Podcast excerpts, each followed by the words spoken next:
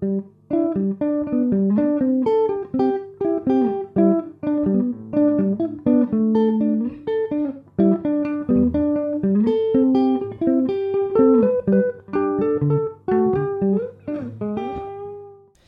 och välkomna till det 78 avsnittet av Bibliotekspodden Solen.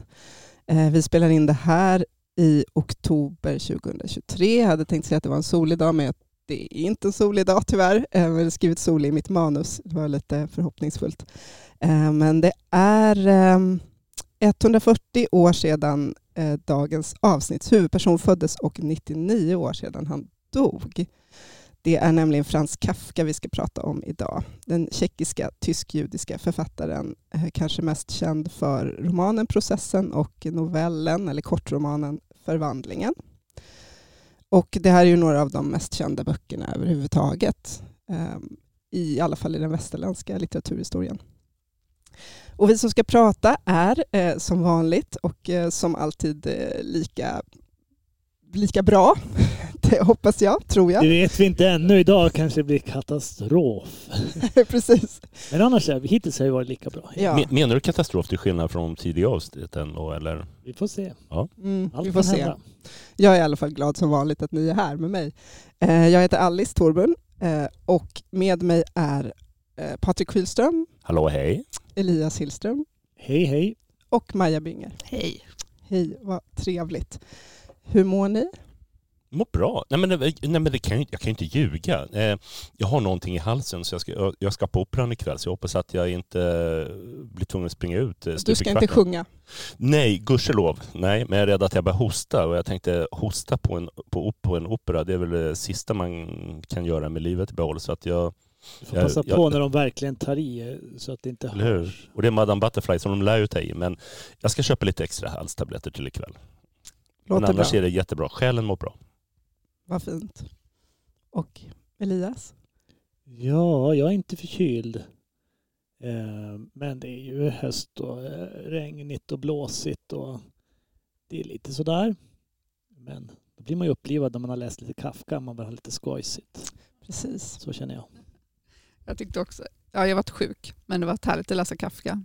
Häromdagen så satt och tände jag ett litet ljus och så låg jag och läste honom. Då kändes det väldigt så stämningsfullt allting. Du brukar ju typ gilla att vara sjuk för att du får vara ja. hemma och läsa då. Jag älskar det. Tänk på att bästa tillståndet. våra arbetsgivare kan höra det här. Ja. ja, just det. Men vad fint att tända ett ljus. Det ja, låter nästan som att du tände ett ljus för Kafka också. Ja. ja, men lite så var det också. Mm. Mm.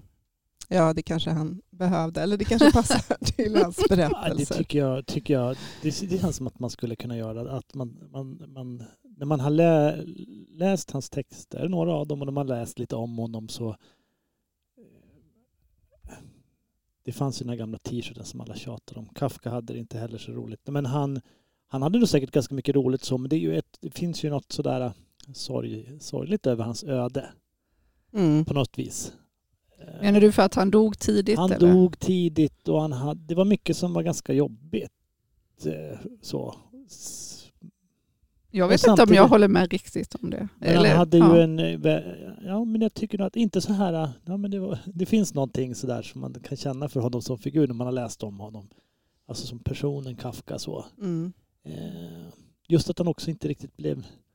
Han skrev de här fantastiska böckerna men han blev ju inte nöjd. Det var några Nej. få texter som man blev nöjd med och sådär. Mm. Det finns någonting i det som är lite sådär... Mm. Han borde få veta hur många som har läst hans texter nu, de fortsatta hundra åren efter hans död. Mm. Men undrar om att han på, på något sätt ändå lite profetiskt eh, tänkte att det var rätt så bra ändå. För annars, jag tänkte att han, han lämnade efter sig, nu går jag händelserna verkligen i förväg, men han lämnade efter sig eh, sina skrifter och så säger han till sin goda vän Max Brod att elda upp allting, elda upp allting. Men om han verkligen hade velat det, då hade han gjort det själv, tänker jag. Någonstans, mm. precis. Det finns väl liksom både det här självhatet och samtidigt att han någonstans visste nog, tänker jag, att han var, han var liksom ovanligt... Han hade någonting i sig som han... Som, jag vet inte, han kunde formulera saker på ett sätt som... Jag tror ändå att han, hade no, han visste det någonstans också. Alltså det, det känns som många författare slits mellan här liksom, vad heter det, att man... Väl, hybris, hybris och, och självhat. Ja, ja, men exakt. Att, självhatet det är nästan, liksom, måste nästan finnas där för att det ska kunna bli något bra av det också. Det är nästan någon sån här Skylla och Karybdis, att man navigerar mellan de här två monstren som, ja, som Odysseus navigerar mellan, men båda behövs för att ge energi någonstans. Ja. Ja. Men ni tror bara, när man, för när man läser om honom, att det bara var någon slags han bara sa det för att folk, som att man kan säga nej men inte jag är bra på att skriva. Jag får ändå uppfattningen att han, han var verkligen inte nöjd. Och då finns ju exempel i, jag och Maja har läst eh, Torsten Ekboms biografi som kom för 20 eh, år sedan nu. Den fick mm. Augustpriset, den heter Den osynliga domstolen, som kan vara en bra introduktion till Kafka. Nej, men just förvandlingen då, som många tycker kanske är hans bästa text som har läst, tyckte han ju verkligen inte att han fick till. Eh, och jag, jag tror att det ändå var genuint. Den blev inte så som man hade tänkt det. Mm. Och sen så, så, många tycker att det kanske är den en av de bästa noveller som har skrivits under modernismen. Ja. Det är så hur, hur, hur det kan vara sån skillnad mellan men exakt, och han hade ju någon sån för, för han vill ju skriva liksom helt fritt utan något liksom avbrott, bara ett flöde, förstår det som. Och att han fick inte göra det när han skrev förvandlingen för han var tvungen att jobb, arbeta samtidigt då på dagarna. Så skrev han på nätterna under typ tre dagar när han skrev den. Men sen Domen, som en annan novell, den fick han, jag tror att han sjukskrev sig, läste jag någonstans. Jag har något gemensamt där du och Kafka. Ja, precis. Men, men då var det liksom att han var hemma och skrev den liksom så, utifrån det sättet han vill skriva, att han vill bara skriva rakt. Han vill liksom att det var som, han, jag läste någonstans att det var som liksom en, en tunnel bara man skulle vara in, jag vet inte exakt hur han formulerade sig, men en tunnel man åker igenom och man vet liksom inte innan vad karaktärerna ska bli för några alls, utan det bara kommer ur en så, precis som en typ dröm nästan eller någonting. Jag har, jag har det citatet här. Ja. Eh, man måste skriva som om man befann sig i en mörk tunnel utan att man vet hur personerna kommer att utvecklas. Ja, precis. Mm. Det är väldigt intressant. Det, är, jag har inte, för det verkar återkomma så otroligt tydligt. Han vill skriva sina böcker i ett svep och han vill inte ha för, alltså han kanske har förberett sig i huvudet men han vill inte ha någon plan som man utgår ifrån. Eh, det är ju väldigt speciellt. Det kanske är många författare som gör, men har ni, vet ni någon författare som är så tydlig med att han vill göra det? Så han satt hela nätterna och försökte skriva klart boken på, eller novellen på en natt och sen upp och jobba. Jag tycker det är helt olika typer av prosa. Alltså poesi tror jag verkligen folk skriver på det sättet. Många gånger på, för att, eller, eller, eller liksom mer eh, den här liksom, no, kortnoveller. Eller, men om du ska ha liksom, utmejslade karaktärer eller såna, liksom, med tydligt så här, berättande på ett annat sätt. Kanske mer realistiskt eller jag vet inte, men att det finns ett tydligt koncept bakom. Då, då kanske man måste tänka ut mycket mer. Men någonstans, jag förstår inte hur man kan skriva utan att, att ha så uttänkt. För mig är det tvärtom, alltså att man skulle bestämma allt innan. Att jag, förstår inte det, jag, vet inte, jag förstår inte hur det kan bli bra då, men det, det kan det säkert ändå, men på ett annat sätt. Jag kan samtidigt förstå hur en berättelse får ett eget liv och går iväg någonstans med mm. karaktärerna och så. Det kan jag förstå. Jag menar det. Att det, liksom, det, blir, det blir vildare på något sätt. En text blir liksom, den får en annan... Den blir, jag tänker att det blir bättre. Ja, man, man hör ju ibland i andra författare också som säger att de inte vet från början, att de tycker de blir uttråkade om de typ vet redan innan vad som ska hända, utan de skriver och så får man se. Men det kräver ju såklart att man har en speciell sorts fantasi ja, då. Ja. Som, så det är säkert helt det är väl olika sätt att skriva. Ja, precis. Och olika typer av liksom, texter också. Mm. Som... Men för Kafka, det, det återkommer hela tiden, det verkar ju ha varit så redan från början att han hade ett sätt att skriva som var ganska klart redan från de första publicerade novellerna fram till de sista texterna. Att han skrev att han ville skriva sådär i ett svep.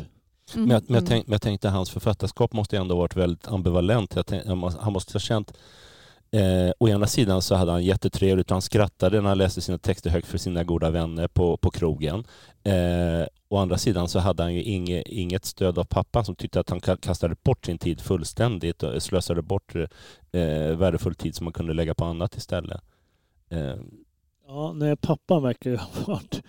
Det finns ju någon känd, ja. känd episod som han återkommer till när han var typ 4-5. Han, han kastade ut honom på balkongen och låste dörren mitt i, i smällkalla vintern där som han återkom tydligen till. Eh, I, alltså, något minne han skriver mm. om i något brev.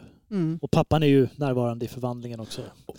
Och i den här, och den här eh, jättefina introduktionen till Kafka eh, av David Sein eh, Majrovitz och sen med jättefina illustrationer av Robert Crumb, en av de största serietecknarna, som för övrigt illustrerar här väldigt bra, väldigt eh, självbesläktat med de här febriga, den här febrigheten som finns i Kafkas berättelser, så är det så tydligt hur eh, man blir väldigt rörd när han, när han, när han, han vill ju ha sin, sin, sin, sin fars kärlek och lyckas aldrig få den. Så det är någonting, en strävan väldigt mycket i hans liv. Mm. Ja, men det är som vi återkommer det finns något, man kan bli lite, lite rörd av ödet Kafka kanske så, att man mm. känner lite för det. Ja precis, det är, ja, det är ju ganska lätt att läsa in också biografiska saker i de här novellerna så får man vara lite, både göra det och kanske inte göra det ja. för mycket också. Men, men om man säger lite kort om, om hans liv då så föddes han ju 1883 i Prag i Tjeckien och eh, han var tyskspråkig, eh, han var judisk, eh, eller familjen var judisk. Eh, och eh, båda de där sakerna gjorde ju att han var en minoritet kan man säga. För att det fanns ju, det var både tjecker och tyskar som bodde där och tjeckerna var i majoritet. Eh, judarna var ju då som en egen religiös minoritet då också. Så att han var ju, fanns ju utanför den majoritetsbefolkningen på flera sätt. Eh, hans far var eh, galanterihandlare, som är ett sånt fint ord, så det var väl kläder och smycken och sånt som han, som han sålde. Och familjen hade det relativt gott ställt. Kafka hade tre systrar, och, eh, men också ett spänt förhållande till både modern och fadern, eller inte så nära förhållande till modern heller och ett väldigt komplicerat förhållande då, till fadern som verkade varit något av en despot, som ni var inne på som aldrig egentligen visade någon uppskattning för Kafka, men han Ja. Men han hade ett väldigt starkt förhållande till en av sina systrar. Jag kommer inte ihåg hennes namn nu. Han, han besökte henne ofta och bodde långa perioder hos henne också. Hon var väldigt li- ja, exakt. Ja. ja. Och hon var väldigt lik honom. Hon var ju nästan som en kvinnlig variant, motpart till, han, till, till honom själv. En slags, eh, ja. Det finns ju då en syster också i förvandlingen som ja. har en viktig roll som vi återkommer till sen. Han ja, hade också precis. två bröder, varav båda dog innan de var typ ett år. Mm, just det. Och sen så dog ju Kafka då 1924, relativt ung, han var 39 år, eh, i tuberkulos. Och, um, och alla hans systrar dog i koncentrationsläger eller på något sätt i nazisternas ja. massmörderi. Jag vet inte, vet inte, exakt hur det var men de, de dog under, mm. under det perioden. Också den kvinna som han älskade. Dora Diamond menar du eller? Just det. Han, eh, och hans de flesta av hans texter gavs ju ut postumt efter att han dog, just bland annat för att han var självkritisk som ni sa, men han publicerade ju ändå en hel del, bland annat Förvandlingen publicerades ju innan han dog tillsammans med några andra noveller. Och eh, det var hans vän som hette Max Brod, som också var judisk, som var den som publicerade mycket av hans, fick, fick ansvaret för hans kvarlämnade texter och som också publicerade många av dem. Jag Eller man, alla. Man kan stanna kvar vid det, för det, det är ju ofta så, alltså sådana här litterära myter blir ofta som någon slags visklekar. För jag har själv haft i bakhuvudet, jag inte, vet inte så mycket om Kafkas liv innan jag läste den här boken egentligen. Men ofta så utgår man ifrån att han, han inte alls, många tror att han inte alls publicerade något under sitt liv nästan och var helt och att han hade bett sin kompis då att bränna allting och vilken tur att han sparar så att vi inte vet vem Kafka var. Men det stämmer ju inte riktigt eftersom han faktiskt publicerade en hel del och fick några, lite priser och han var ju han var ingen stjärna eller så men han, han, han var ju inte helt okänd. Han fick ju recensioner och så under sin livstid. Mm. Um, men just det här med att hans kompis skulle bränna böckerna, det är lite som att det, det är en viktig grej. Sånt som folk känner till om Kafka. Ja, men han hade ju faktiskt publicerat saker. Precis, och sen verkar det ju också som att Max Bråd, det var inte bara så att han gjorde att han tog texterna och publicerade dem fast Kafka hade sagt att han inte skulle, utan de hade ju haft något samtal innan där han hade berättat för Kafka att jag kommer inte att bränna de här, jag kommer att publicera dem. Och Kafka hade fortfarande överlåtit dem till honom vid sin död, så då tog han det som ett indirekt godkännande. Det kanske också har att göra med det här dubbla som ni sa, att han dels var extremt självkritisk och inte nöjd med sina texter, men att han kanske ändå insåg att de var bra. Liksom. Det var ju hans liv. Han var ju verkligen, återkommer ju till det att han jobbade väl i stort sett hela sitt liv heltid. Så vad var det han hade för jobbade med? Han jobbade på, med säkerhet för um, ar, ja. arbetare på en myndighet. Ja, Institutet för arbetarnas olycksfallsförsäkring. Och han var ju jurist. Arbetsmiljöinstitutet. Mm. Men så skrev han på nätterna i huvudsak. Eller när han sjuk, sjukskrev sig Ja. på ledigheter. Och så. Precis, och sen mot slutet av sitt liv när han var sjuk i tuberkulos så skrev han väl lite mer då eftersom då kunde han inte arbeta längre. lyxen att vara på olika sanatorier. Han måste ju älska det på ett sätt. Bara få sitta där och skriva. Nej, han mådde väl väldigt dåligt också. Nej, jag, jag bara säger en sak om att han, jag tyckte det han skrev om det här med, alltså när, efter, liksom, med efterlämnade texten, texterna, att han skrev att eh, bokens verkligt självständiga liv börjar först efter upphovsmannens död, eller rättare sagt en tid efter sin död. Till dessa nitiska män slåss ännu ett ta- litet tag efter sin död för, för sin bok, men sen läm- lämnas den ensam och kan enbart förlita sig på styrkan i de egna hjärtslagen. Det är ganska fint när man tänker på hur hans böcker har liksom, eh, lästs så långt efteråt. Och att, ja men att när man lever så har man fortfarande, gör man anspråk på som författare, liksom, vad har jag skrivit? Och liksom, men den, långt efter en död, det händer ju no- liksom författarens död så händer ju någonting med en bok. Det blir något helt annat då. Så är det ju verkligen i hans fall. Det är ju intressant. Mm. Det, är ju, det finns ju ett antal sådana författare. En av mina favoritförfattare, en av de andra, också en av modernismens stora eh, portugisiska författaren Pessoa, han publicerade också bara typ en bok under sitt liv. Eh, och så hittade de när han dog en hel koffert med tusentals texter och nu är han ju på något sätt Portugals här nationalskald. Eh, Nej, Det är ju verkligen så att det Den, den lever ju något i, den har verkligen sitt egna liv efteråt. Men det, det är fint men också det är sorgligt på ett sätt som du sa eh, Elias, liksom att han, kom, han får ju, fick ju aldrig ta del av det. Samtidigt hade han, jag tänkte att han skulle verkligen vända sig in i sin grav om han visste typ att det stod Kafka på olika koppar och t-shirtar och så. Det känns inte som hans grej, hela den kommersialiseringen kring hans ja, namn och människor som inte ens har läst Kafka, det blir liksom bara, bara ett Mm. Jag tänker att han skulle ha fortsatt att vara ganska självkritisk också. Att han kanske Mm. skulle ha varit så här, men varför gillar de det här? Det här var ju inte så bra som jag Nej. hade tänkt att det skulle Nej. vara. Och, Alltså for, fortfarande så, jag tror ja, och att det. de misstolkar det hela tiden. Och skriva om i nya versioner gång på gång kanske. Ja, precis, dra mm. tillbaka Pressa böckerna och så här, nej det här och så. Men han, han avvisade ju alltid alla tolkningar också. Det är ganska Just det. intressant att han... För Freud gjorde ju någon psykoanalytisk tolkning och den ville han inte... Den, den avvisade han ju fullständigt. Och, och likaså religiösa tolkningar som Max Brod gjorde. Det vet jag inte hur, deras, hur han förhåller sig till det, men det var ju många som gjorde olika... Från massa olika... Eh, ja, De är ju lite gjorda för det. De lockar ju till tolkning om man får säga. Ja, hans de ju. texter lockar ju till självbiografisk, religiös, eh, freudianska. Marxistisk. Ja, man, Ja. det, det, Men de det, är men, gjorda för litteraturvetare som ska skriva en C-uppsats.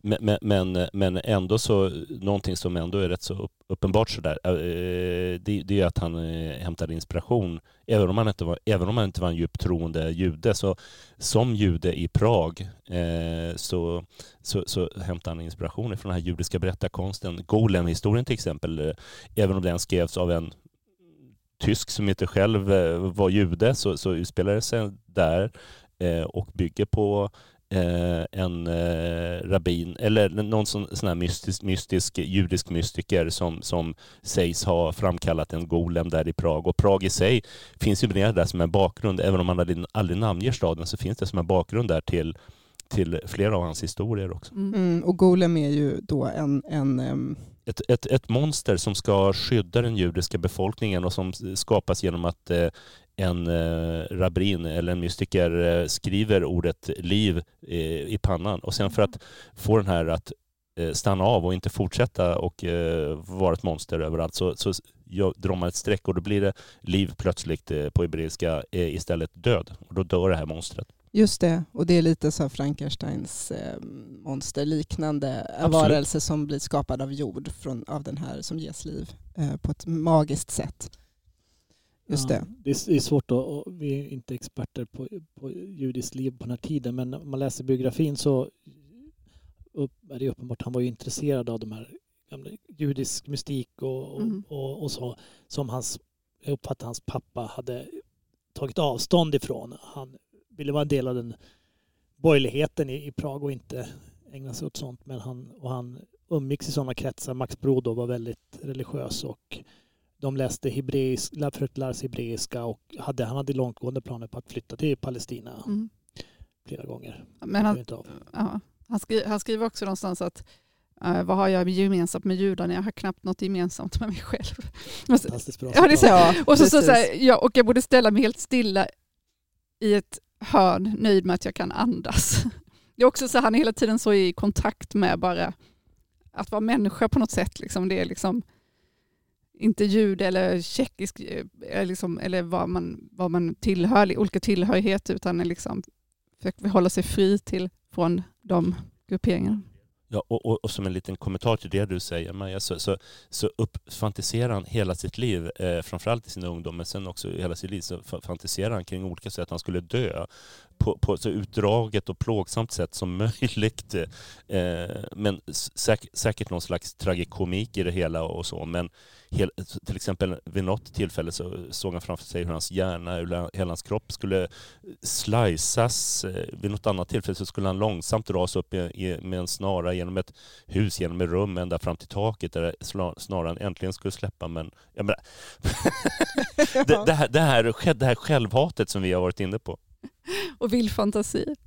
Ja, det finns väl mycket, för hans dagböcker finns ju också publicerade. Han skrev ju väldigt mycket eh, ja, han skrev ju jättemycket som även som inte var romaner och noveller utan dagböcker och brev mm. som man också kan läsa och som har, där det finns extremt många citat man kan plocka ja, ifrån tror jag. Exakt. Mm.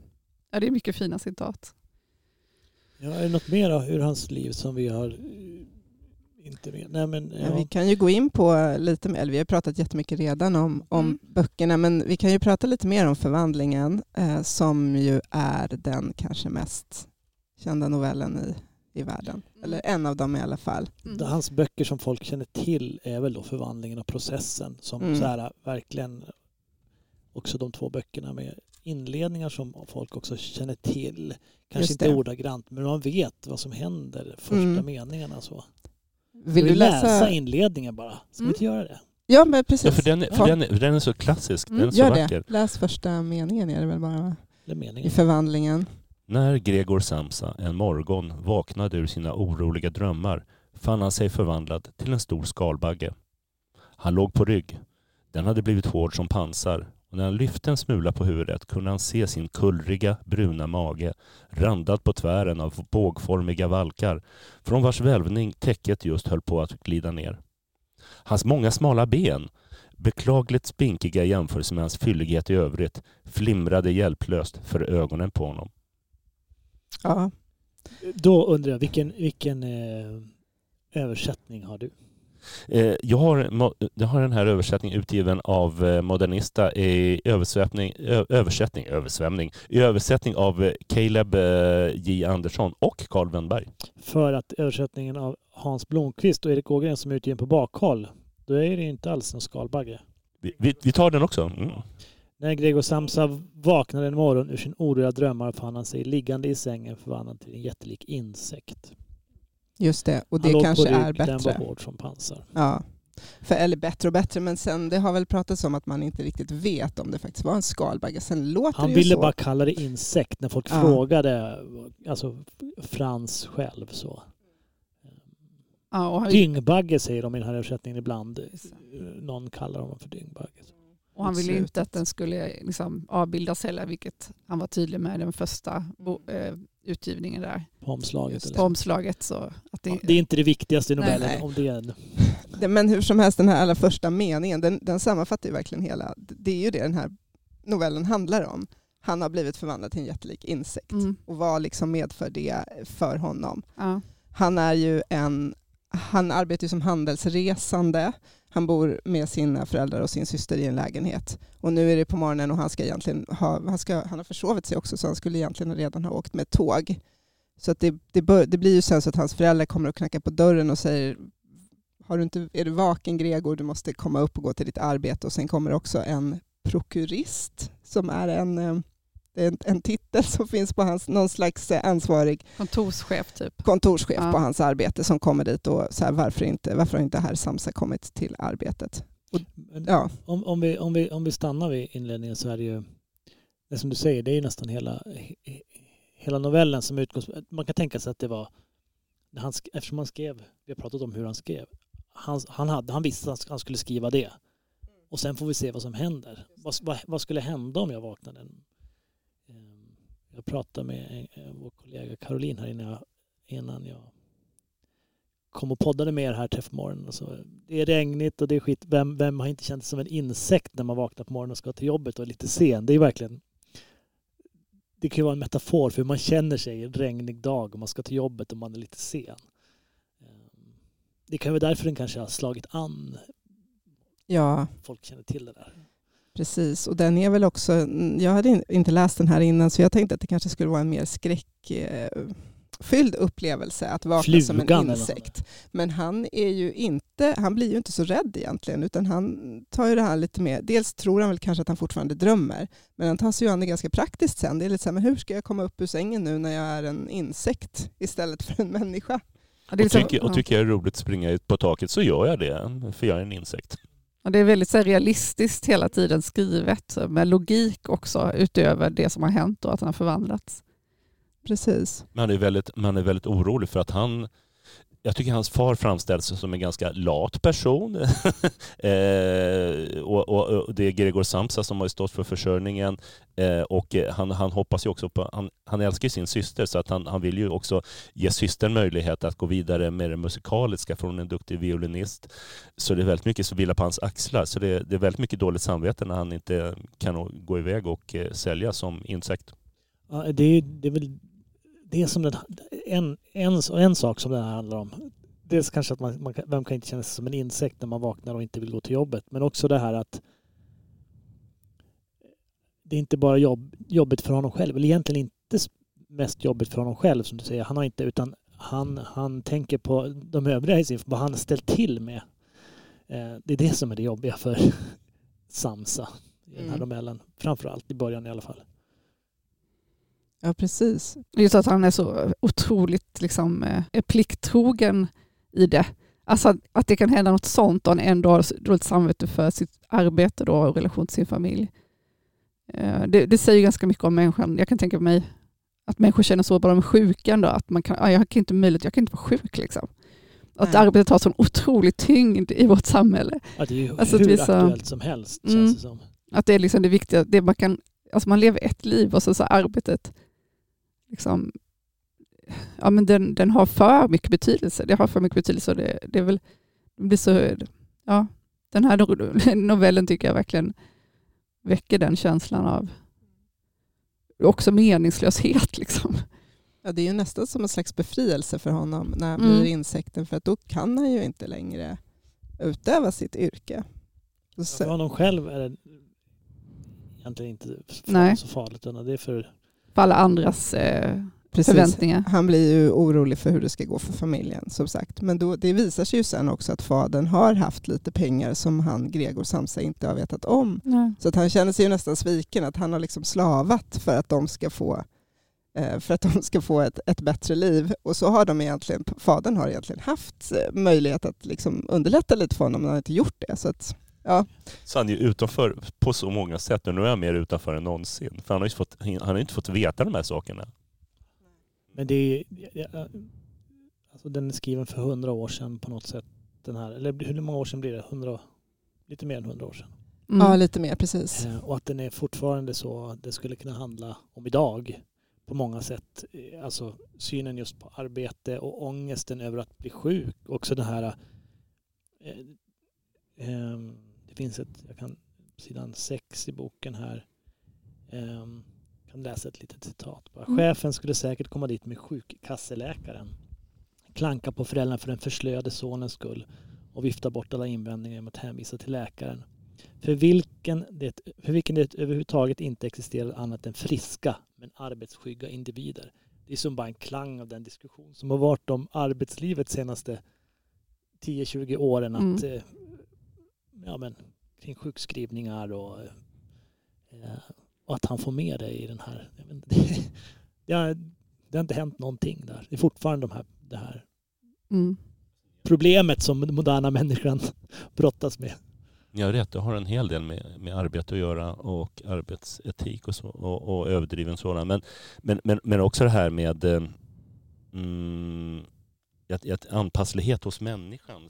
Eh, att, att vi, vi accepterar saker, vi flyttar våra gränser för vad som är okej. Okay. Eh, jag, jag, tänker, tänker att han, han är ju deras älskade, eller ja, älskad och älskad, men han är i alla fall deras son och, och eh, eh, systern försöker försvara honom och modern försöker försvara honom när fadern går till snabb attack.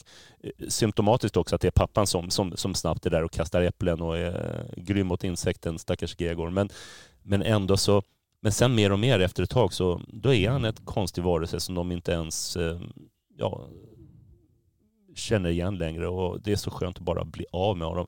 Mm. Ja, det är ju svårt för familjen att hantera honom och det förstår man ju också. Alltså, de tror inte heller att han förstår vad de säger.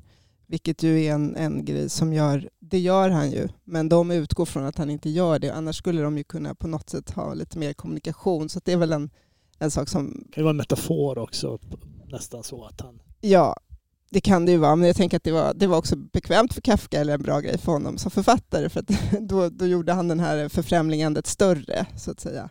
Ja, um, men jag tycker att det är ganska befriande med den här att man inte heller måste läsa in massa saker, att, att det är just så här, det handlar om hur det skulle vara att bli förvandlad till en insekt. Alltså, och inte nödvändigtvis om någonting annat. Mm. Eller det handlar inte, om något annat, men, men vad händer med ditt arbetsliv om du är en insekt? Det är ju bara, det är inte något annat, det är precis det faktiska som händer. Det är ju mm. ingen metafor eller så, för det är ju väldigt tydligt att är du en insekt så är det eh, svårt eller nästan ja. omöjligt att gå till jobbet. Jobba som bibliotekarie och vara skalbagge här ute i, i disken. Då måste du ringa och sjukskriva dig och så då bara, ja men det stämmer det verkligen? Är du verkligen en insekt? Det, det är inte så troligt, vad är det för diagnos? jag tycker familjen är så grym. När, jag, jag kommer inte ihåg om det är mamman eller systern. Jo, det är nog systern som, som då ändrar inställning till, till honom och så säger hon så här, men om, man, om det verkligen fanns någonting av Gregor kvar, om han verkligen älskade oss, eh, så då skulle han lämna oss för att han skulle, han skulle förstå att det vore skönt för oss att inte ha någon kvar. Så här. Då tänker jag så här, men vilken ambivalens för honom där någonstans, att lämna allting och sen gå, traska iväg som insekt ut i någon park eller någonting. Jag menar, mm. helt ensam. Mm. Det kanske finns andra insekter där ute. Kanske. Kanske inte så stora. Jag får känslan av att han är, för han är väl människostorlek Jag tror ändå. Det. Han är ju inte en liten insekt. Nej. Det är Nej. ändå tydligt, även om det inte är vilken typ av insekt. Men det som händer sen är ju att han får stanna kvar i sitt rum. Han försöker ju komma ut därifrån men pappan puttar in honom i rummet igen och sen är han kvar där och, och hans syster sköter ju om honom eh, ganska länge men efter ett tag så orkar hon inte heller med det på något sätt. Eller hon, ja, han skrämmer modern. Hon skjuter in mat under, under ja. Dörren. de blir liksom, så att de blir mer och mer äcklade av honom på något vis ja, efterhand. Först eh, de hoppas kanske att han ska förvandlas tillbaka eller att ja. någonting ska ske, men det gör ju inte det, nej. utan han är den där insekten. Ja, nej, det finns liksom, ja precis. Det är liksom, han beskrivs också så äckligt att han har ett par mat och damm över sig och han bara blir liksom, han har ut, liksom, han avger någon vätska också, då, brun vätska vid något tillfälle mm. som modern ser och svimmar. Alltså de blir så, allt, om, allt kring honom är så eh, avskyvärt på något sätt. Allt det där är, det är inga, inga tolkningar eller metafor, utan det är ju verkligen hur skulle det vara om en stor insekt var i ett mm. rum? Det skulle vara ganska äckligt och det skulle bli smutsigt. Alltså. Ja, man blir, det är som du säger Patrik, att det, test, det prövar ju verkligen den här familjen och det är säkert svårt att bestå det provet att en familjemedlem blir så förändrad om, ja, om man vill läsa det här psykologiskt. Jag vet, jag vet också att han var, han var också besviken på sig själv, att han var, att han, att han var spinkig. Och Kafka, nu pratar du om Kafka ja, förlåt, själv. Ja, förlåt. det är också en grej när man läser en historia som självbiografi. Nej, men eh, Frans, var, Frans Kafka var ingen insekt, inte vad vi vet. Men, men hans hemliga identitet. Men, men jag tänker på det här, det här självhatet och det här att han tog till sig propagandan som fanns eh, mot judar och så, så, så, så, tyckte han själv att han var ett bra exempel på, eller ett dåligt exempel på, på just eh, ja, ja, med, med den här judiska nidbilden eh, som fanns i propagandan och så. så att, ja, jag är värdelös på alla sätt och vis. Så han gick verkligen all in på den. Men var det var det, det han liksom... Jag tänkte att det också bara hade så här, rent allmänt så här, lite kro, liksom kroppshat. Han ja, beskrev sig som du sa också väldigt gänglig och så. Jag tänkte, jag har liksom inte läst det som att det har med att, eh, liksom, att han var jude eller så, men det kanske det var också. Men det fanns nog redan på den tiden, jag vet inte, att man, man i antisemitiska kretsar ja. så kunde man kunde man likna, likna judar vid... Mm. Absolut, och där det utförs pogromer och sånt. Och insekter. Och in, mm. ja. Men det var väl också att fadern var ju väldigt kraftfull och verkligen in, han var, typ, var ju besviken för att Kafka var liksom svag, kroppsligt svag. Han hade den här självbilden också, Kafka. Sen, sen, för, för, vänner framställde honom som, som rätt så ståtlig och eh, en del kvinnor tyckte han var rätt så schysst att se på. Och, eh, Frisksportare skriver till och med. Ja, hon gillade att gå långa sträckor och så, så det var ju inte helt... Sen, sen, sen fick han ju tuberkulos och så vidare. Så att ja. han hade självbild som var väldigt nedvärderande. Eh. Ja. Precis. Det, ja, men, ja. ja. Känns som en här tonåring hela livet. Han blir aldrig riktigt... Eh, nej men alltså sådär, man kan känna sig när man är tonåring i kroppen, så här gänglig. Och, ja. Men det har du rätt i och även psykologiskt det här med att jag är, den, jag är den största författaren i världen. Jag är jättedålig, allt jag skriver är, är crapply. Mm. Alltså både och. Sådär. Ja, både hybris och själva. Det är också verkligen. ganska tonårsaktigt faktiskt. Ja, det är sant. Men jag tänkte på en grej med hur, bara hur han skriver så är det ju väldigt speciellt att han liksom aldrig, han, han psykologiserar ju aldrig karaktärerna eller mejslar ut dem så utan alla bara, det är ju mer han beskriver genom vad de säger, lite repliker, men sen också bara gester eller så tycker jag han är allt det jag läst av honom att han håller sig hela tiden, det är väldigt stram, precis prosa men inget liksom och det, det, det, gör det så intressant och öppet också för att, att han aldrig berättar hur man ska tänka kring någon av dem eller eh, de karaktärerna som figurerar. Det är nästan som en, eh, en, ett, en pjäs skulle det kunna vara. Mm. Jag vet, förvandling kanske har satts upp men det skulle, jo. det skulle lätt gå att göra om till en, en, ett drama eller så. Men det är ju det här eh, som vi pratade om lite förut, att, som återkommer i, i alla fall i processen som jag också har läst. Mm nej men det är ju som en dröm, drömmens logik. Ja. Det är något absurt men allt är logiskt inom de här ramarna eh, som gör det så himla fantastiskt. Också tror jag att man, som man återkommer till, att man, man känner igen sig fast man inte borde göra det. Att det är någon slags drömlogik. Man, Just det. Det, det får jag... Ja, det är sant. Alla kan, alla kan ju känna igen det. Alltså, precis som du säger. För att det finns så mycket i drömmen, just det där plötsliga oförutsägbara. Och att, huvudpers- att han försöker han, eh, agera logiskt i en drömsituation. Och där tänker man att egentligen skulle en, ett absurt handlingssätt vara det riktiga liksom, för att passa in i hela liksom, ja, mm. uppsättningen är liksom drömmen. Men då mm. försöker mm. han hantera det logiskt. För så är det ju processen också. Att man blir mm. Det är väl ofta så i en dröm. Man, man, har, man, ja. man har ett ben och ska gå till jobbet och så är det de praktiska grejerna som är ja. Hur ska jag klara det här? Ja. Just det, och det är därför det uppstår en del humor också. Förvandlingen tycker jag är väldigt rolig bitvis. Det är beskrivningar av alla de här benen som man har som insikt till exempel, som inte liksom lyder honom. Men sen, sen blir det ju bra när han väl hamnar på magen nere på golvet. Efter, det tar ju lång tid för honom att ens komma upp ur mm. sängen och ner på golvet. Men när han väl är där så då funkar ju benen precis som de ska. Ja. Men vad händer mer? Ska vi säga något mer vad som händer i, i eller ska vi inte av, vi ska kanske inte avslöja slutet, men det, det sker ändå en, en förändring i familjen. Jag tycker ändå att, jag vet inte om vi ska, jag tycker man, man, man kan spoila en sån här bok, det tycker jag inte gör så mycket. Men det sker en förändring i familjen som gör att Samsas öde blir ännu värre när han upptäcker ett, efter ett tag att familjen ju faktiskt blomstrar och hans pappa mm. som har suttit och halvsovit i fåtöljen plötsligt väcker till liv och eh, och att de har det bättre nu när han är borta. De blir liksom fria nästan? Ja, från... de blir fria och lyckliga. De slipper ta hand om... De, hur är det? De beslutar att inte ta hand om honom längre. Då blir de... Ja. Familjen blomstrar och blir lyckliga för han dör. Hans, hans syster är vackrare än någonsin. Ja. Men det är ju precis på slutet som det här händer och då har han, alltså, då har han ju dött om vi nu ska säga det. Men innan dess så är det, innan dess så blir, så sliter de ju ganska mycket, men de klarar sig ju. Så det är ju absolut, mm. det visar sig ju att dels att pappan hade de här pengarna, dels så får de ju ta anställning och tidigare var de väl mest hemma och gjorde ingenting. I alla fall föräldrarna ja. framstår ju som lite lata. Den här systern som du säger var ju musikalisk.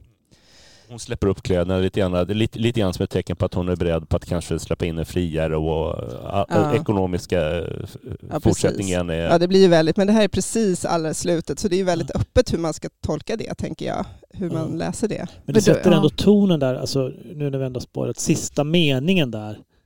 Och det var som om deras nya drömmar besannades och deras goda avsikter förverkligades när dottern vid framkomsten var den som först reste sig och sträckte på sin unga kropp. Ja, men hur läste ni det här slutet då? Varför slutar den på det sättet? Det är ju jättesorgset om man, om, man, om man tittar på det egentligen, att de inte ens eh, vill minnas och älska honom, utan det är bara good riddance, skönt att bli av med honom. De blir kallare och kyligare, liksom, nästan mer liksom, omänskliga på något sätt, medan han blir ju mer och mer... Han avslutar till och med med att uttrycka liksom, kärlek till dem. Eh, och det han tänker att, på, exakt, han tänker på deras bästa hela tiden. Så, de, så de blir mer som djur och han blir mer människa. Ja, intressant. Så då kanske han är lycklig i, i, i sin insektshimmel över att de blomstrar som familj. Men det är något otroligt tragiskt. Det är väldigt det. Han offrar sig in i det sista för dem kan man säga. Ja, och, ja. precis. Och så han lyssnar ju på hennes violinspel där i slutet. Hon spelar ju violin och då blir han oerhört liksom, rörd. Eh, och liksom, det är något som att han, hans, liksom, hans liv har varit så utan andlighet, eller vad ska man säga, han, han, eh, vad ska man säga, att han har inte känt den kontakten i sitt liv. Han har aldrig fått möjlighet att, att eh, ha den kontakten med konsten eller musiken eller själen, utan Nej. han har bara fått arbeta och liksom försörja sin familj.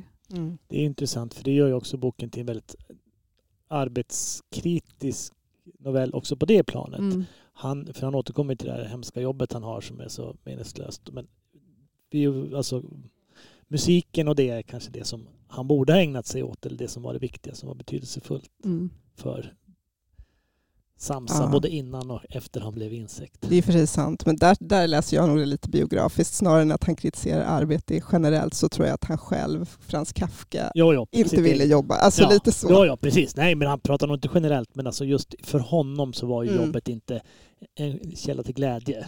Nej. Eller att man ska inte tvingas att kanske arbeta ihjäl sig. Däremot kan man ju arbeta lite. Men... ja, du ja, det vet man ju inte. Alltså, det är ju väldigt öppet för tolkning. Att han kan ju ändå eh, verkligen kritisera det på ett plan, tänker jag. Alltså hela arbets och produktionssamhället, industrialismen. Mm, då läser vi det marxistiskt. Ja, men det kan man ja. göra på ett sätt. Och så, man kan, kan kanske, men jag tror att det är... Ja. Man kan läsa det marxistiskt. Eh, alltså vantrivsel i arbetslivet. Ja, men det, jag tänker att det absolut inte utesluter några andra absolut. tolkningar, utan att det rör sig jag tänker att det rör sig fritt mellan alla de här tolkningarna. Att när han mm. skrivit det så har inte han, jag tror allt de här idéerna finns i honom. Han är ju väldigt påläst människa och jag tror inte liksom, eh, jag, men, men däremot att han liksom, han vill ju inte att det ska finnas en sån fast fixerad liksom, metafor, men Nej. att det ska röra sig mellan. Jag tänker bara att det handlar ja, inte det, bara om det, det handlar om alla olika sakerna på samma gång på något sätt. Ja. Och, man, och ingen av dem eller liksom, ingen av dem är sann i sig själv. Men jag men, tror det är svårt att göra en, en Kafka-tolkning där man, man skulle säga att han är positiv till det moderna livet och där man jobbar jobbar väldigt mycket och att det är så här den borgerliga drömmen och så. Det finns ju någon slags i processen också då att det, det är ju en, eh, en varningsklocka eller han beskriver en otrolig vantrivsel i det moderna samhället. Absolut. Om man läser biografin så mm. försöker Ekbom ändå koppla in honom till en, en del av modernismen, alltså motsatsen till Marinetti och, och Majakovskij, den här delen av modernismen som var antiutopisk och kritisk ja. mot... För när han läs, Ekbom har läst igenom alla hans texter så teknik nästan alltid är någonting, en fara. Mm. Eh, han... Eh, det var intressant, jag läste lite om han Adorno, filosofen, som pratade om det också där med att eh, med, alltså naturen, eh, att människan slåss mot eh, naturen fast egentligen tillhör naturen själv. Alltså genom eh, Eh, alltså med hjälp av teknologin så slåss man emot mm. Eh, naturen liksom, som är sig själv. Det låter så abstrakt men eh, och att det liksom på det sättet, alltså genom ja, liksom industrialismens kamp mot naturen på något vis, att genom den, all teknologi som har, som har, liksom, så har man också orsakat så mycket lidande hos människan. Mm. Det kanske var väldigt otydligt nu. Ni kan få gärna fylla i. Men, men jag, jag, jag, bara, jag läste så... Nej, jag tycker det passar in. Jag, men liksom att man tvingat in människorna i någon slags eh, samhällstvång och produktion och, och förvärvsarbete och, och, även lag och ordning. Liksom. Um, och, mm, ja, processen är ju mycket också det här med alltså, byråkrati eller vad man ska säga, makten som, mm. som man inte kan nå fram till, som är ansiktslös och som kan bestämma godtyckligt vad som ska, ja. vad som ska gälla i samhället utan att man som liten människa kan nå dem eller säga emot dem eller på något sätt. Eller ja. ens få reda på varför det ska vara på ett visst sätt. Den här äh, Kafka-stämningen, eller Kafka-esk som man pratar om. Och det känns ju som att de har redan i den här förvandlingen beskriver arbetslivet i det moderna samhället och det skulle lika gärna kunna handla om idag i stort sett. Mm. Tvånget att gå till jobbet och skräcken inför att bli sjukskriven för den eh, skada man utsätter sina, sina, sin familj för om man inte kan försörja dem och så. Mm. Så är det väl i processen också det här, just som du sa Alice, men att det byråkratiska mardrömmen, man vet inte vem man ska prata med och hur man kommer fram till någon. Och det är ju det som vi, vi som jobbar på bibliotek möter folk som är borta i den här processen och förvirrade och som behöver komma fram till någon på skattemyndigheten eller få hjälp att skriva mm. ut en blankett som de ska signera. Och, det känns ju också som att den delen av hans författarskap är mer aktuellt än någonsin. Folk mm. är ju väldigt, ja. väldigt vilsna i fortfarande modern, modern värld men nu är det digitalisering som har fått den att accelerera och blivit ännu mer ansiktslös och mm. bank-iden och, och, så. Verkligen. Vi som är någorlunda unga kanske kan hålla koll på det där men det är många äldre människor som och hamnar man utanför det så är man liksom helt utanför samhället. Allt det här är himla jobbigt. Ja, och, och klarar man inte av det så är man utanför automatiskt. Då har man ingen plats. Liksom. Och, det, och, så går det bara åt ett håll, det är bara från maktens håll hela tiden mm. också. Så uppfattas det av många av de här människorna som inte har, som, som känner sig maktlösa. Jag tänker på, det, det är lite grann som här eh, Jeremy Benthams idé om panoptikon, ett, ett, ett fängelse eller övervakningssamhälle där man kan se, Du, du kan se som, som, vår, som väktare kan du se eh, fångarna, eh, ja, eh, män, snedstreck människorna, mm. men de kan inte se dig tillbaka. Du har eh, överblick. kontroll, överblick ja, över dem. Ja. Ja, mm. Ett sidospår, men jag tycker man, ja. det är intressant att prata varför är han fortfarande så, så aktuell och läses och ger folk så mycket, det är säger någonting. intressant med just digitalisering som du säger, för det blir ju allt svårare och svårare just att få prata med en människa mm. på en myndighet eller i, på ett företag eller så. Jämfört med på den tiden i verkligheten tänker man att det kanske ändå var enklare på vissa sätt för Kafka. Men, eh, Om man säger så här, liksom, natur, om vi kommer ifrån naturen, först industrialismen och sen digitaliseringen. Det är liksom ytterligare ett steg bort från, från vår, vårt ursprung på något sätt. Vi, vi bara kommer längre och längre bort från oss själva. Mindre och mindre kropp. Om du ringer till Vårdguiden 1177 så skulle du få prata med en AI nu. Ja, just det. Eh, Ja, precis. AI är nästa steg. Ja, så då är det inte... Ja, ja just det. AI är ytterligare ett steg ja. bort.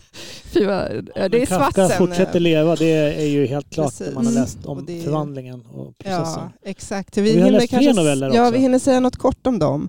Eh, vi har ju läst också en som heter I straffkolonin och en som heter En svältkonstnär. Det är mm. de tre vi har läst framför allt till mm. idag. Och, eh, Svältkonstnär var väl en av hans sista texter som han publicerade, visst var det så? Mm. Det är möjligt, ja den, ja, ja den kan man ju kanske också läsa lite självbiografiskt om man vill. Den handlar ju om en, en helt enkelt en svältkonstnär som arbetar med att han sitter i en bur och folk får komma och titta på honom och han äter ingenting så att han blir väl då smalare och smalare. Och han äter inget och det är 40 dagar säger de väl i den här novellen är liksom gränsen. Efter det så tappar folk intresset så då får han äta lite och börja äta upp sig igen och sen så startar var det här något som fanns? igen. Fanns det svält? Nej.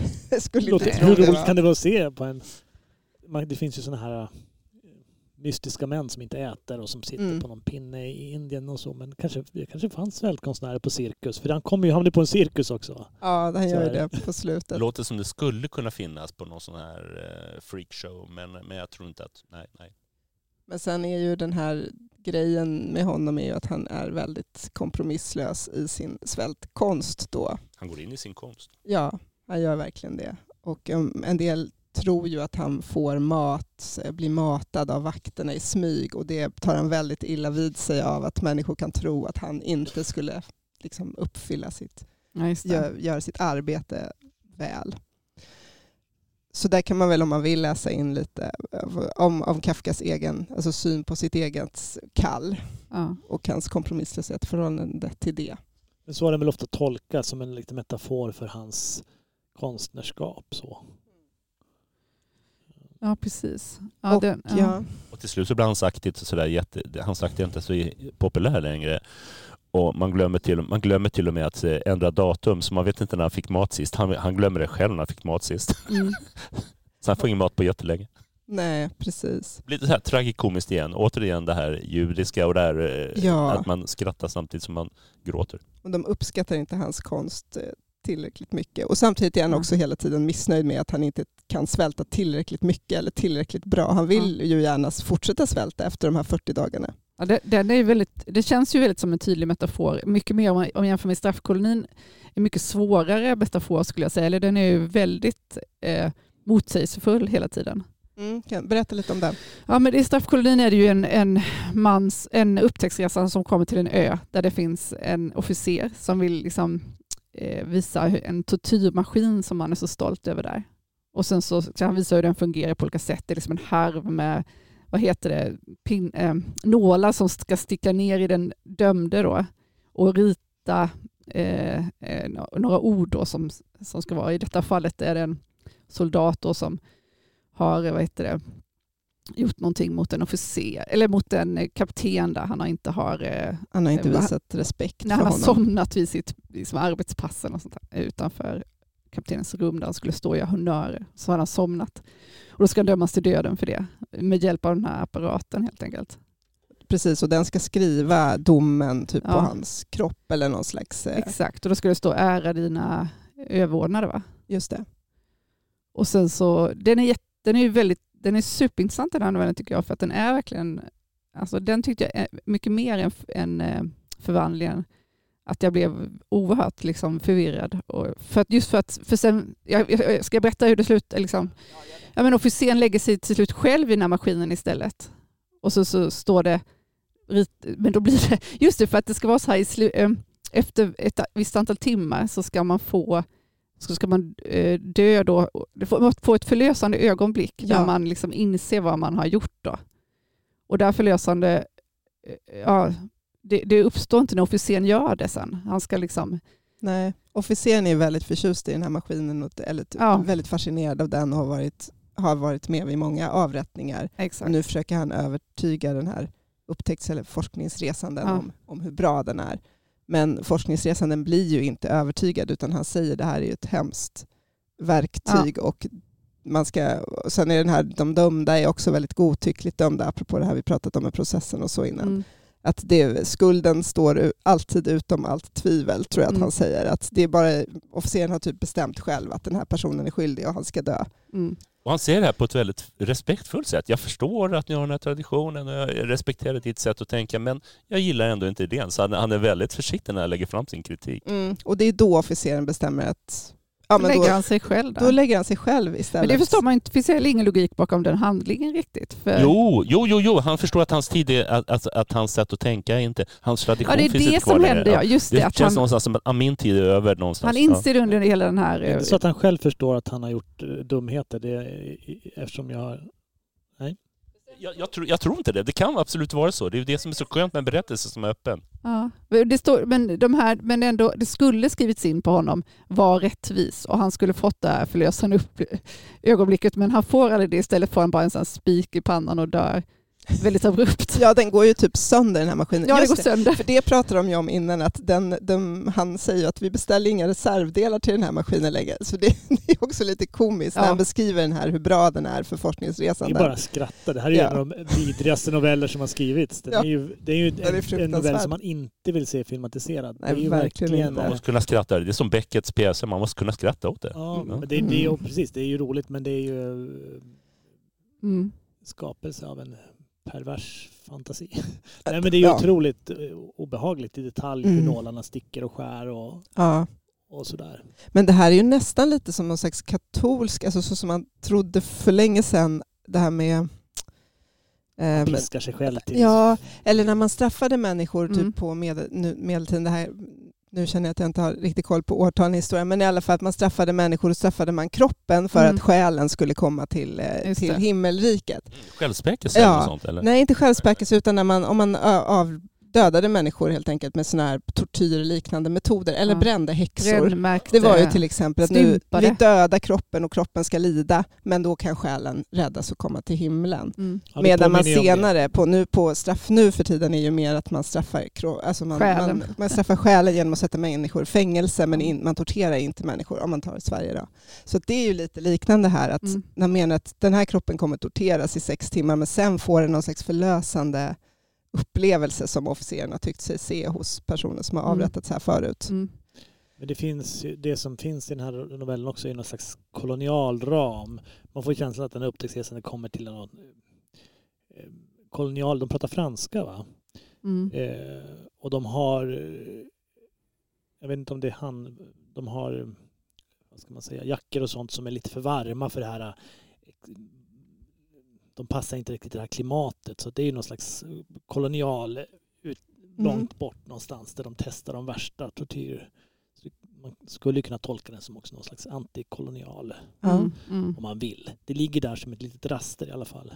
Den här officeren verkar inte riktigt förstå att hans tid, eller det är väl det han inser också, att hans tid är över någonstans, att hans traditionerna är utbytta mot något slags nytt, modernare samhälle. Men, men just det här med att, som du sa, det här med att reservdelarna kommer ju inte ens. Det är ingen som bryr sig om den här maskinen, det är bara officeren mm. till slut. Och jag tycker någonstans att den handlar, den handlar, att berättelsen handlar väldigt mycket om det, att man håller traditioner vid liv utan att reflektera alltid över varför man gör saker och så. Mm. Eh, så, så det är så mycket som är så idag. Du bara torter torterar av gammal vana. Ja, eller gör andra saker av gammal vana. Äter kött till exempel. Jag äter ja. kött ibland och sådär. Men jag menar mycket att man gör saker av gammal ja, vana. Och sen går, det, sant. Ja, och sen går det en viss tid så kan man inte folk fatta. Hur kunde de göra så? Så kommer ju tänka om vår tid också sen. Att vi har gjort på olika sätt som man inte kan begripa. Hur kunde de arbeta så där mycket? Eller hur kunde de bara liksom leva på det sättet? Jag älskar hur detaljerat den här maskinen eh, målas fram, hur den gör så och hur den på något sätt ska vara skonsamt samtidigt som det är ett instrument för att döda människor. Det ja. finns det här motsägelsefulla i, i den här berättelsen. Och att de ska rista, det, det var någon som, jag tror det var han Ekbom som skrev om det, att det var som en, också kunde ses som en skrivmaskin liksom, som skrevs, det är författaren som ligger där och plågas. Liksom.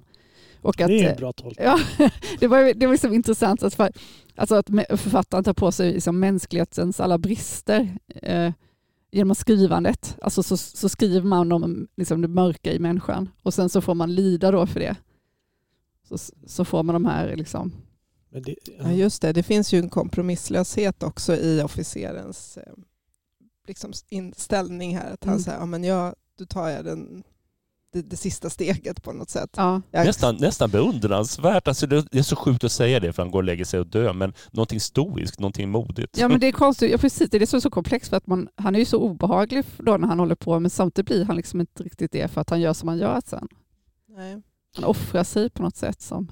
Och den är ju intressant den här novellen. En skillnad här är ju att det finns inte riktigt någon huvudperson som man följer. Som I förvandlingen är det ju Gregor Samsa som mm. man, liksom hans psykologiska utveckling eller så som man som läsare liksom identifierar sig med. Mm. Och även Svältkonstnären handlar om honom. Men här finns ju två personer. Det är dels officeren och dels forskningsresanden. Som man på något sätt som läsare tar båda de gestalterna. Det finns, ja, man får välja lite vem, vem är det handlar om och mm. så. Ja, det här är tre exempel ur Kafkas författarskap. Eh, Svältkonstnär är sista. Jag tror att straffkolonin blev ganska tidig va? Eh, och förvandlingen kom någonstans där mittemellan. Men de är ju... Man ser ju och hör när man läser att det är samma författare. De har ju liknande ton allihopa måste jag ändå säga. Någon slags sådär lite häpen, oförställd, skriver om det som sker detaljerat hur, hur det är att vakna upp och vara en insekt eller hur det är den här tortyrmaskinen fungerar eller hur det är att vara svältkonstnär. Eh, och inte gör någon stor sak av det egentligen. Utan just den där tonen är ju speciell. Mm. Som ja. också gör att det, han tar inte till några överord eller överdriver eller inte, skriker inte och psykolog, psykologiserar inte heller utan Nej. beskriver ett skeende som är lite absurt eller obehagligt. Och lämnar rätt mycket till oss. Ja, precis den, texterna lever ju vidare när man läst klart. Man är verkligen inte klar med dem när man har läst klart dem utan de lever ju där, sitter ju där. Mm. Det är intressant hur många som har liksom försökt tolka Kafka. Alltså, folk har verkligen tänkt så det knakar. Och så I slutändan så är det liksom så öppet och så mångtydigt allting som man skriver. Men är det inte det som, som är, alltså det är det som är själva grejen? Mm. Att det är perfekt att sitta och podda om det eller ha en läsecirkel eller något för man kan prata hur mycket som helst om dem och ingen tolkning är fel och ingen är, några kanske mer eller mindre sannolika men de, de är gjorda för att diskuteras. I alla fall förvandlingen. Mm. Ja, mm. ja, men alla, verkligen. Ja, verkligen. Ja, ska vi säga någon ja. mer författare som vi tycker anknyter eller som vi har? Mm. Ja, vi hade ju men... läst Torsten Ekboms bok, det sa ja. ju. Ja, det precis. var intressant att läsa. Ja, Nej, men kör någon, någon kort tips ja, i så fall om man har någonting men Jag har en som jag tjatat om innan, men som verkligen, för jag lyssnade lite på P1, så han eh, Kartarescu som vi har pratat om. Eh, han, han, eh, han är väldigt förtjust i Kafka. Han, han skrev att han, då, han kände sig som en siamesisk tvilling med Kafka. Men han, han, eh, han har ju, för nu tänkte jag samtida författare då, för han har ju skrivit, han skriver ju väldigt surrealistiskt, men han skriver också, jag tänkte på det hur de skilde sig åt, för hans Eh, de är väldigt, han är inte alls lika stram i sitt språk, men det är samtidigt det här att det inte, man, det är inte, så det är inte alls så psykologiserande faktiskt, utan mycket mer handling eller vad människor gör. Liksom. Och, då, och så händer det en massa jättemärkliga, magiska saker, men man får inte ta del av eller förklaras. Det förklaras ingenting från människors inre eller så på det sättet. Så, så jag tycker han tangerar honom ganska mycket. Han, hans favorit eh, eh, novell var Boet som är tydligen det sista han skrev som handlade om en, en insekt som befinner sig under jorden och gräver gångar. Mullvad kanske det, som, som eh, befinner sig under jorden och eh, bygger gångar och så. För att eh, som trivs bra med att vara undan från, alltså inte vara i närheten av andra människor. Nej, Som att det är någon slags idealtillvaro. Ja. Och som får för sig att det finns någon där hela tiden som jagar honom lite grann, eller bevakar honom. Ja, han är så rädd för att någon ska komma dit och förgöra honom. Och är rädslan hela tiden som det här eh, mm. djuret, eller vad var det, en eh, mullvaden en har i sig då. Liksom. Just det, där är Kafkas sista novell då. Ja, jag tror ja. det. va? Mm. Det var sista novellen. Det, och här, det sa Katarescu att det var väldigt, den korresponderade till alla hans, vad han tidigare, liksom all, alla hans verk. Liksom, att den sa så mycket om, om vad han skriver. Liksom, för att, alla, att det är väl all, allting som han skrivit om innan också är så, eh, det finns de här teman, temat mm. i hans eh, noveller eller texter, romaner. Just det, för de, de är också ganska drömska. Eller det är mycket Katarescu. Katarescus. Ja, jätte. Ja. Ja. Mycket magisk realism kan man väl säga att det är. Ändå. Just det. Surrealism. Ja, det är intressant för om man, man, eh, man, man förstår, jag har ju läst en del Katarescu, att man förstår som du säger. Eller att han, de är väldigt olika. Han är ju mm. Hos Carteresco är det massor av färger och mycket ord och mm. mycket fantasier som är mycket så här, de är inte den här stramheten och enkelheten som Nej, det är mycket mer mättat så ja. Är lite mer blommiga. Mm, absolut. Ja. ja, ska jag säga något? Jag tycker det är roligt alltid när vi har läst, man funderar vad det påminner och så. Mm. Just det här att Kafka skriver som det känns som en dröm, det är ju något av det mest lockande med honom tycker jag. Eh, en annan mästare på det som jag bara, det tycker jag är David Lynch, speciellt mm. sista säsongen av Twin Peaks. Nu vet inte jag om något gemensamt, men det finns en del gemensamt mellan Lynch och Kafka. Eh, just sett han, logiken i Lynch, ja, speciellt sista, sista säsongen av Twin Peaks, är ju verkligen en dröm. Just den här logiskt inom ologiska ramar, det tycker mm. jag att de påminner om varandra. Mycket humor också. Alltså, ja, de är roliga på lite ja. liknande sätt. Jag vet inte om David Lynch har berättat om Kafka men han har ju säkert Han måste ju varit väldigt inspirerad av honom. Man tänker ja. så. För han är ju också, precis David Lynch är verkligen expert på samma sätt att kunna förmedla den här drömska känslan. Mm. Det känns som att alla fördämningar har släppt där i den senaste, i den ja, senaste säsongen där och att han, han är inne i drömmen helt och hållet. Ja, ja. Den, är, den är underbart bra. Vackert. Annars var det väl Pessoa som en av mina favoritförfattare. Det är ju då mera en samtida till Kafka. Jag tycker de har många likheter. Eh, just vilsenheten i någon slags begynnande modernitet och mm. en annan miljö då Lissabon. Men Orons bok är väl den som jag tycker att man ska läsa då. Mm. Den har kommit nu på svenska för första gången i en eh, helt komplett översättning där man också har sorterat de här är olika textfragment i en, i en kronologisk ordning. Såg jag kommit nu alldeles nyss. Um, så det är någon slags parallell mm, tvillingsjäl till Kafka kanske. Inte alls lika surrealistiskt. Inte lika mycket insekter och så men, men de är lika bra. ja. Har du någonting Patrik? Ja, jag, jag, jag kommer att tänka på en, en författare, som, illustratör och författare som är aktuell, Emelie Östergren, som är en av de som August-nominerade till, tillsammans med eh, Virke. Eh, de har gjort en bilderbok som verkar vara bok i bok i bok. Det verkar vara mm, väldigt spännande att man öppnar boken så inuti den så är det en bok Presenten eller födelsedagspresent? Ja, just ja, presenten eller födelsedagspresenten, någonting sånt. Och jag tänker på Emelie Östergren för att hon har, har just det här drömska, det här, det här drömlogiken som du pratar om Elias. Och eh, henne, särskilt hennes, eh, jag gillar allt hon gör, det hon gör nu också, men hennes tidigare grejer när det är en av historierna där det är, heter någonting med girls, den är på engelska och det är flera flickor som försvinner den ena efter den andra. Och det bara är så. Det, det är, är, det serier? Det är en tecknad serie. Ja. Tecknad serie snedstreck bilderbok. Eh, gränsen är flytande. Um, så det är inte helt klart vad det är för genre och så. Det är inte viktigt. Det är en underbar historia. Och de bara försvinner de här flickorna och uh, det är hemskt och samtidigt så är det skojigt på något sätt. Och det är lite grann som Kafka, att det är hemskt och samtidigt är det skojigt på något sätt. Mm. Jag, jag, jag, jag, lägger ut den här som ett boktips. Jag kommer inte ihåg vad den heter just nu, den här bilderboken. Presenten tror jag. Ja, jo, men jag tänkte på den här, den, annan, den här tidigare som Emelie Östergren gjorde, där alla flickorna ja. försvinner. Mm. Ja, eh, just det. Jag har inte tänkt så mycket. Det var nu jag började tänka, och det här kanske inte alls egentligen stämmer, men eh, jag tänkte på lite postmodernistiska texter av svenska författare som Lars Gustafsson har skrivit en bok som heter Bernhard Foys tredje rokad, som har en sån här eh, det var länge sedan jag läste den så jag minns inte riktigt handlingen men det är en person som byter identitet. Alltså som läsare så är man liksom inne i någon slags berättelse och sen så vänder den på något sätt och så är huvudpersonen en annan person och en annan tid och lite så. Så det är ju kanske inte, inte jätte... Det är en annan typ av, av drömsk, eller att man liksom...